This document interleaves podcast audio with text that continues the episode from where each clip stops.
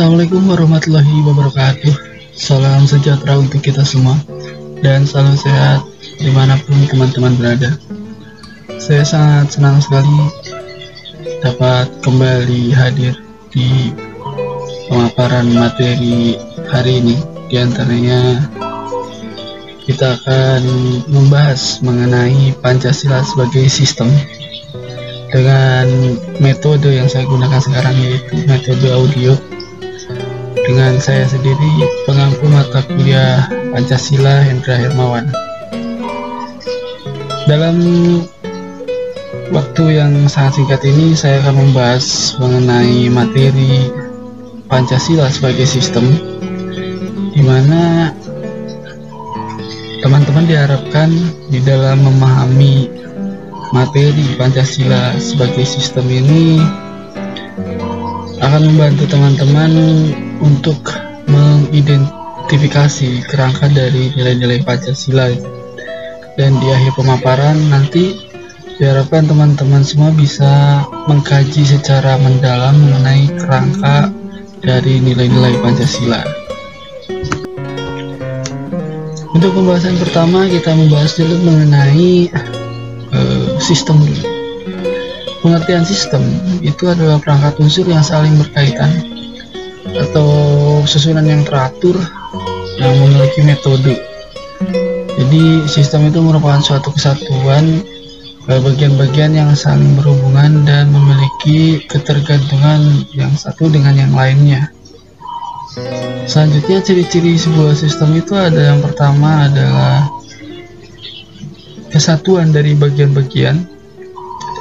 Kemudian bagian-bagian ini memiliki fungsinya masing-masing. Selanjutnya, bagian-bagian ini saling berhubungan dan juga saling bergantung. Dan yang selanjutnya adalah bagian-bagian itu mencapai tujuan tertentu yang sama. Dan setelah itu terjadi dalam situasi lingkungan yang tertentu. Jadi kondisi-kondisi di mana memiliki tujuan yang sama di antaranya. Itu adalah ciri-ciri sebuah sistem. Kemudian karakteristik dari sebuah sistem itu di antaranya merupakan suatu kesatuan terus merupakan tata yang konsisten dan juga koheren tidak mengandung kontradiksi. Artinya satu arah dan antara yang satu dengan yang lainnya itu tidak saling bertentangan. Kemudian ada kaitan antara bagian yang satu dengan yang lainnya itu. Terus ada kerjasama yang serasi dan juga seimbang juga proporsional. Serta segala sesuatunya itu mengarah pada tujuan yang sama. Dan yang terakhir di antaranya kembali lagi itu adalah suatu kesatuan. Jadi membentuk suatu siklus. Dan apabila kita melihat dari karakteristik dari uh, sebuah sistem dan kita terapkan di dalam nilai-nilai Pancasila tentu akan ditemukan beberapa hal yang memang sangat erat kaitannya dengan beberapa uh, karakteristik dalam sistem yang sudah tadi saya jelaskan sebelumnya. Bisa ditemukan di sini ada yang namanya uh, kesatuan organis dari kemajemukan dan juga menghidupkan kedudukan dan juga fungsi-fungsi uh, di dalam sila Pancasila menjadi kesatuan yang utuh. Di antaranya bahwa di dalam Pancasila itu bisa dilihat ada karakteristik-karakteristik dari suatu sistem yang tadi sudah saya jelaskan di mana nilai-nilai itu di antaranya dari setiap silanya itu tidak bisa dipisahkan antara yang satu dengan yang lainnya dari sila pertama sampai sila kelima terus juga masing-masing sila itu mempunyai kedudukan dan juga fungsinya sendiri-sendiri. Jadi di sila pertama itu memerankan peran uh, untuk membahas mengenai nilai-nilai ketuhanan terus juga yang sila kedua itu membahas mengenai nilai-nilai kemanusiaan yang ketiganya membahas mengenai nilai-nilai persatuan terus juga yang keempat ada nilai-nilai kerakyatan dan yang kelima ada nilai-nilai keadilan. Nah itu mempunyai fungsinya-fungsinya sendiri. Jadi mempunyai perannya masing-masing. Terus juga masing-masing sila itu berbeda namun tidak bertentangan. Contohnya misalkan dari sila pertama ketuhanan itu tidak bertentangan dengan nilai-nilai kemanusiaan. Terus juga tidak juga bertentangan dengan nilai-nilai persatuan maupun dengan nilai-nilai kerakyatan dan juga nilai-nilai keadilan. Terus juga masing-masing sila itu saling melengkapi yang satu dengan yang lainnya.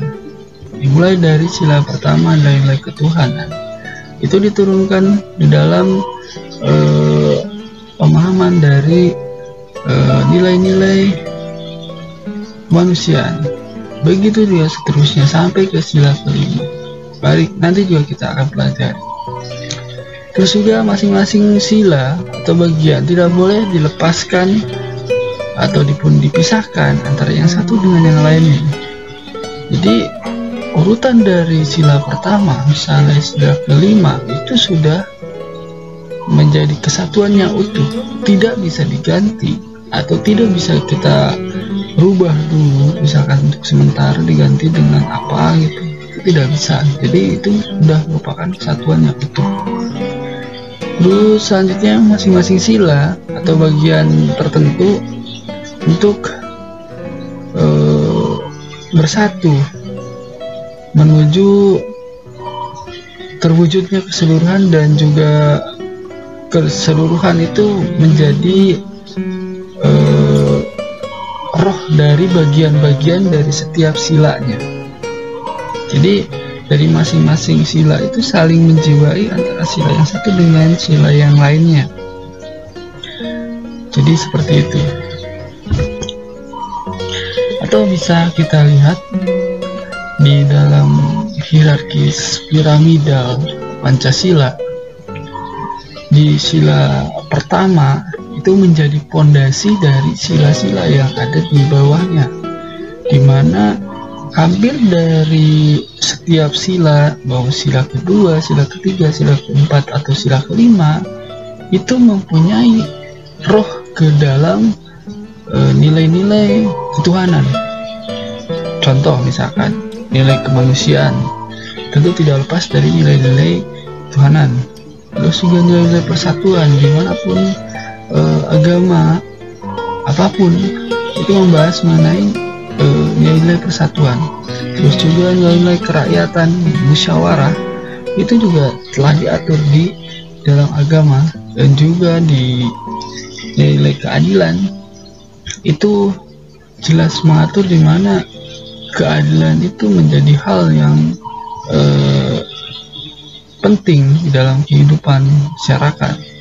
Jadi kalau misalkan kita melihat peta dari hierarki piramidal bisa dijelaskan bahwa sila pertama itu menjiwai dari sila kedua, sila ketiga, sila keempat, dan juga sila kelima. Terus sila kedua itu menjiwai dari sila yang ada di bawahnya, yaitu sila eh, ketiga, sila keempat, dan juga sila kelima, dan dijiwai oleh sila pertama.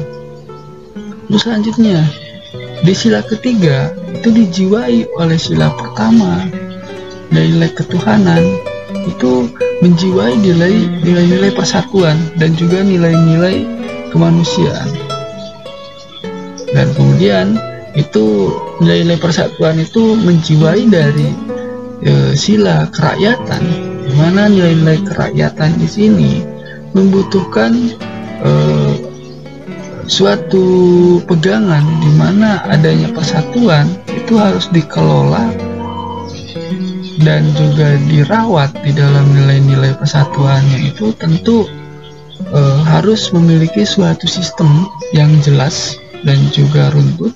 Maka dari itu bangsa Indonesia menggunakan sistem musyawarah dan juga perwakilan untuk merawat dari nilai-nilai uh, di sila ketiga yaitu persatuan. Terus selanjutnya di sila kelima, sila kelima itu dijiwai oleh sila pertama nilai ketuhanan. Membahas juga mengenai keadilan. Nilai-nilai kemanusiaan itu juga tidak lepas dari nilai-nilai keadilan. Nilai-nilai persatuan dan juga nilai-nilai kerakyatan itu menjiwai juga dari uh, nilai keadilan. Di mana kita bersatu itu untuk menuju kepada yang namanya rasa adil dan juga untuk merawat dari keadilan tersebut. Itu membutuhkan suatu sistem juga yang jelas. Makanya e, dijiwai juga oleh sila keempat untuk merawat dari yang namanya keadilan. Yang harapannya output dari sila pertama sila kedua sila ketiga sila keempat itu semuanya menuju kepada nilai-nilai keadilan.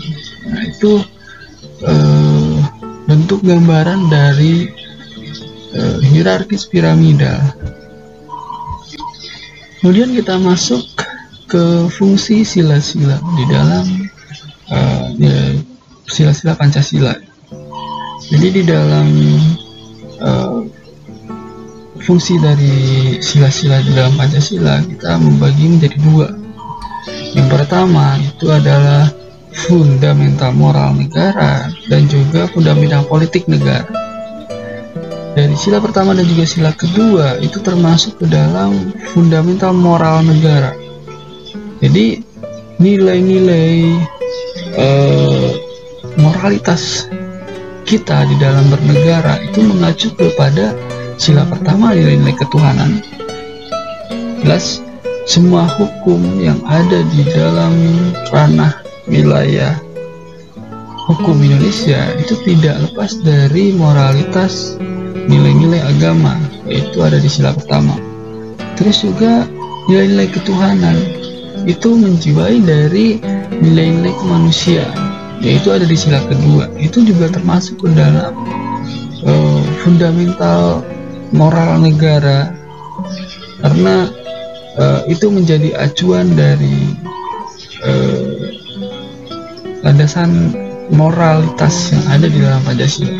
Terus selanjutnya di sila ketiga, keempat, dan juga kelima, di sana kita lihat ada sila ketiga yaitu kesatuan, sila keempat yaitu adalah kerakyatan, dan yang kelima itu adalah uh, keadilan.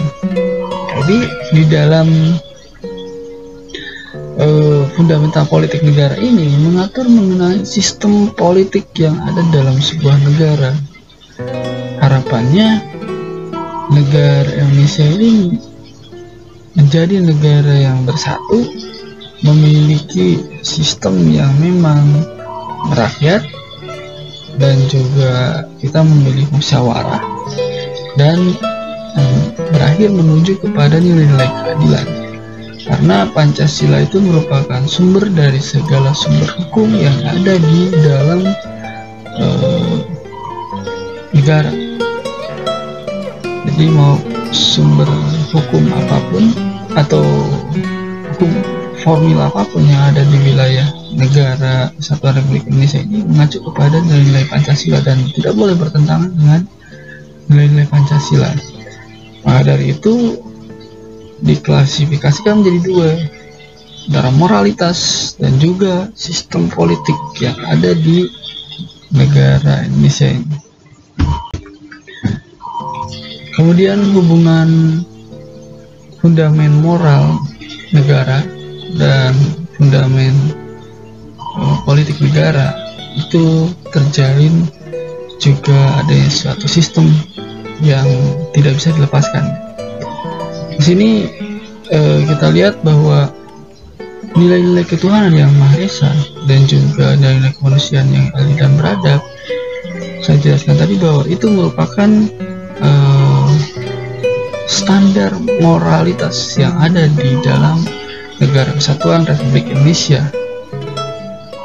karena standar moralitas ini dijadikan acuan di dalam pembuatan hukum positif dan di dalam sila pertama dan juga sila kedua itu mengandung hukum-hukum uh, yang dijadikan landasan hukum positif yang ada di Indonesia. Salah satunya di sila ke eh, satu dan juga sila kedua itu mengandung hukum Tuhan. Jelas itu ada di sila pertama dan juga hukum kodrat dan juga hukum etik di sila kedua misalkan.